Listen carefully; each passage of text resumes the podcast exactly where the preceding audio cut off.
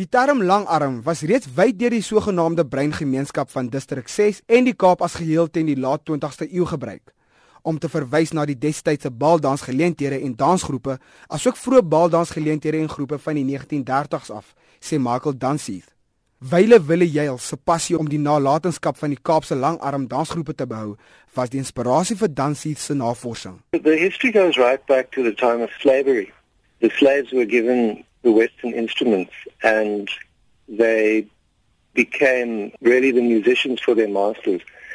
there were many slave orchestras in the Cape that were quite sophisticated. You know, they were playing Western music and, you know, some of them were multi-instrumentalists as well.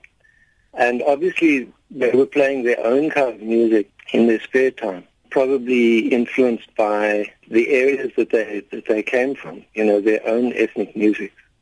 Because the slaves generally came from four main areas that was uh, South India, um, Malaysia or Indonesia, the Indian Ocean islands of like Reunion, uh, Mauritius, Madagascar, and then also later from Mozambique.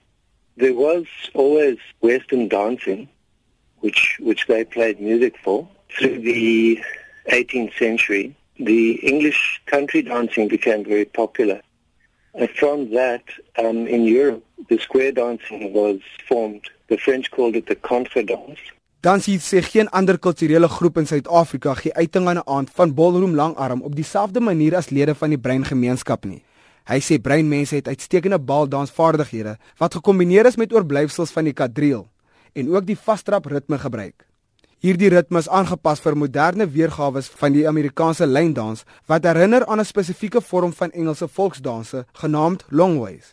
So really the the whole Langarm ballroom scene, as we know today, really developed at that time.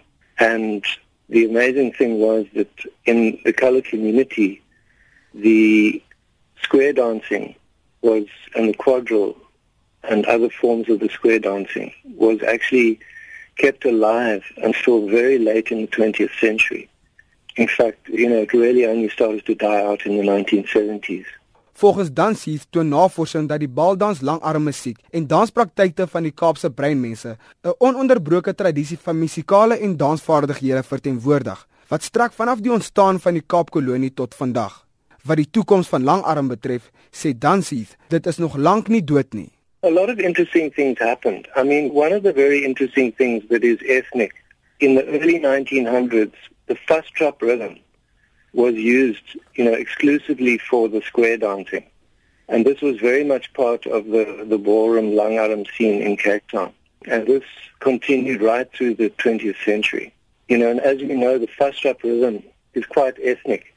It has, you know, very strong links with the Guma rhythm.